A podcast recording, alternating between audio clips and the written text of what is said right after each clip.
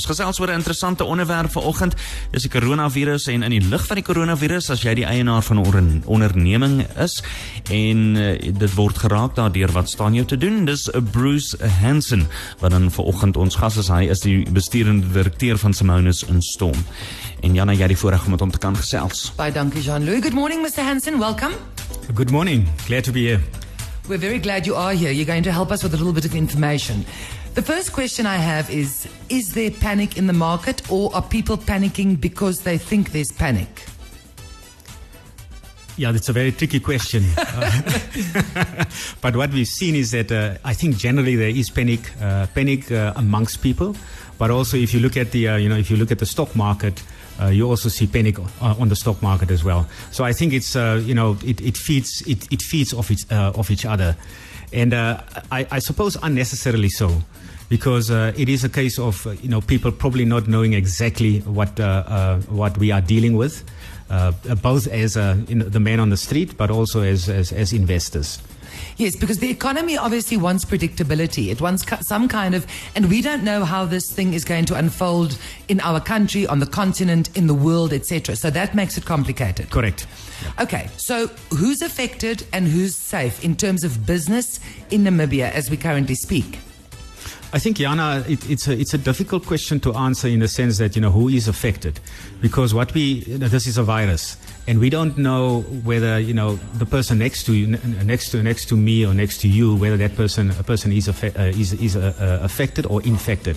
So what one would have to do is uh, you know you take you take precautionary measures. Um, because it could be it could be either the individual or it could be the business. Now, if it's the individual and that individual works at the place, uh, you definitely have uh, have an issue. So it's it's it's across the spectrum. It's across across board, and I think that's why people are panicking is because we don't know the extent of the, uh, of, of the virus. Yes, because there's a real threat actually of business shutdown if a staff member um, comes up with, or, you know, is infected with corona. Absolutely, absolutely right. I mean, what we've done is uh, the uh, over the weekend when the news broke uh, uh about the two, about the couple, uh, on Monday morning I had a, a meeting with my staff uh, just to tell them, look, you know, this is what has happened. Uh, we, we followed the news because that's part of our part of our business, and uh, we needed, uh, immediately started to, to, to invoke the, the, the plan that we that, that, that we had, and uh, meaning first of all that we you know we started sending people uh, home. Uh, and uh, it's it's easy in our in our business because we are a services business. So people could easily go home. They have internet connection. They have a laptop, and they can start working from uh, start working from home. Okay, thank you so much. When we come back, I want to talk to you a little bit more about sectors. Ons gesels vanoggend met Bruce Hansen, die bestuurende direkteur van Simonis and Storm. Now, Mr. Hansen, earlier we were talking about individuals and how business are affected really on a multi-layer. Let's talk sectors. I was saying tourism, and you were saying anywhere where people congregate, those businesses are in trouble. Yes, correct. Uh, so the, the immediate businesses would be transport and tourism and then the hospitality sector in, in, in general. Uh, I've heard already from uh, uh one, um, one accommodation establishment where they, they actually had to lay off people. Uh, so that's that's the immediate effect that uh, that you're seeing, and not just that, but you know it's a whole it's a ripple effect because you know those people that are being laid off they have families that they have to support you know, and how do they now support the families going uh, uh, going forward? And it's not something that you can say, you know, this is, this will last for for the next month, for the next two months. We don't know. And, uh, and I think that, uh, once again, you know, that's the, that's the part that, uh, that, that brings in the panic, where people don't know how this thing will, will move forward, what the extent would be, who will be affected.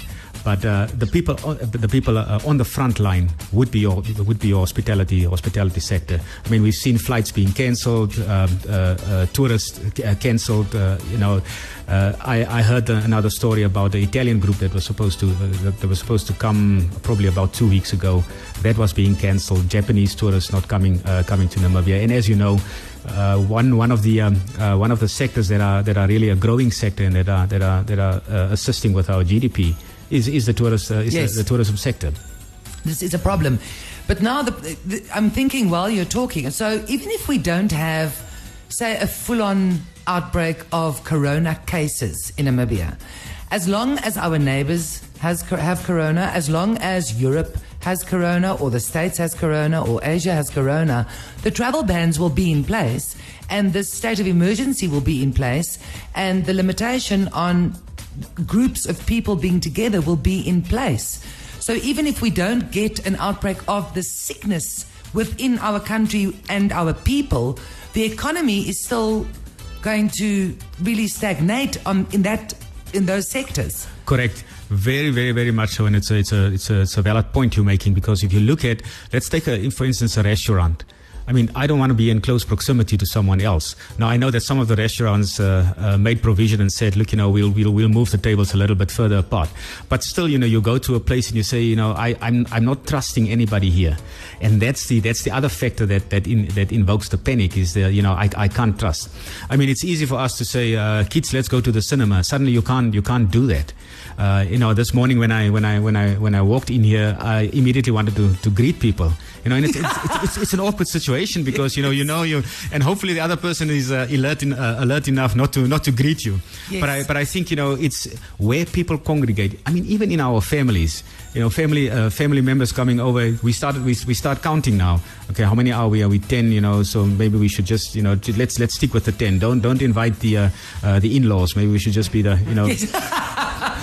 just but but it, it is really an awkward situation and it and, and I and I I have to uh, and maybe other people will differ differ from me, but I have to applaud the uh, the president for taking a drastic measure because we are in drastic times.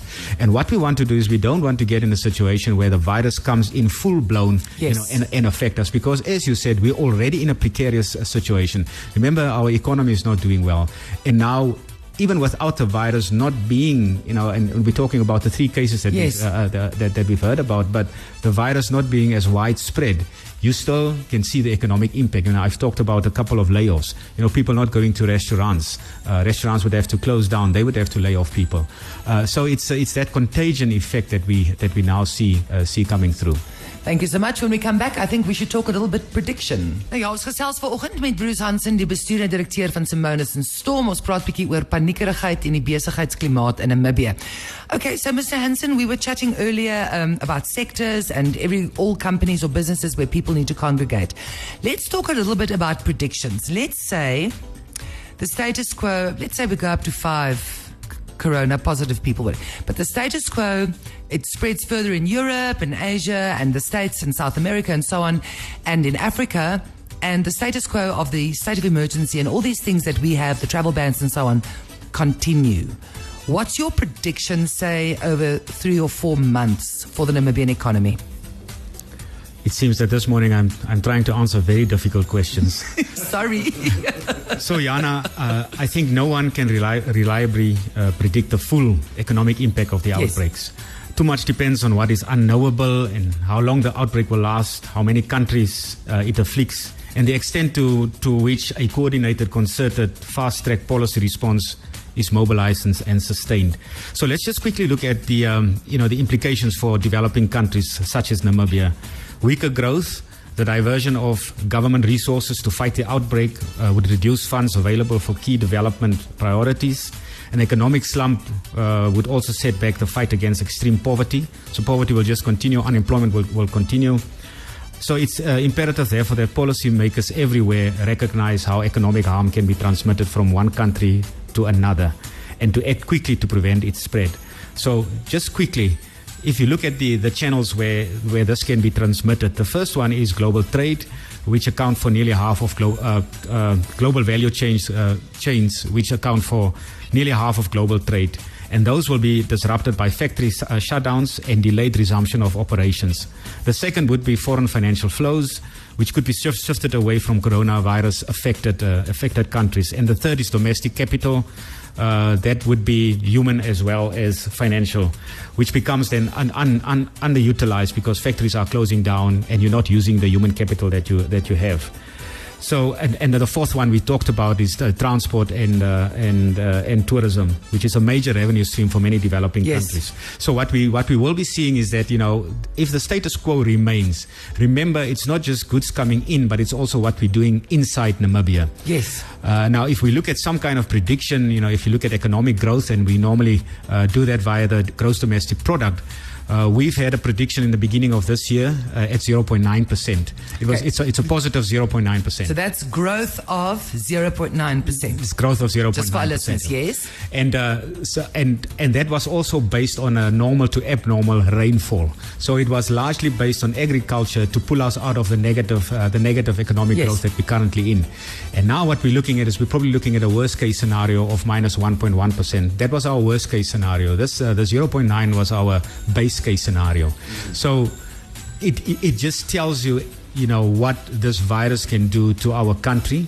And also because we're such a small nation and a small economy that, you know, when, when there's an external shock coming in, it's major. And, uh, you know, we have to take that into account. Uh, no matter you know, no matter the, uh, the the state of emergency in terms of you know, should we have done it now or not? I think it was a good thing that we're do- doing it now, and you know, we have to take we have to take the blow, because if we have to go to a place where we need to now suddenly treat uh, Yes. uh, pe- people within Namibia, it, it it's just it is going to get worse. Mr. Hansen, in closing, what is your message to business owners in Namibia? I, I think now it's uh, it's time for business owners to to be responsible. Uh, they must be sensitive to what the situation is. We should not rely overly on government because we know already for the last number of years that uh, that government uh, the coffer, the government coffers are not as strong as we would like it to be. So what what business owners would have to do is you know look at your specific situation, see where you can assist your employees, see where you can assist the fight in in in, in this uh, in in this environment. And I'm talking about you know things like where you have people that that probably would need some medical care.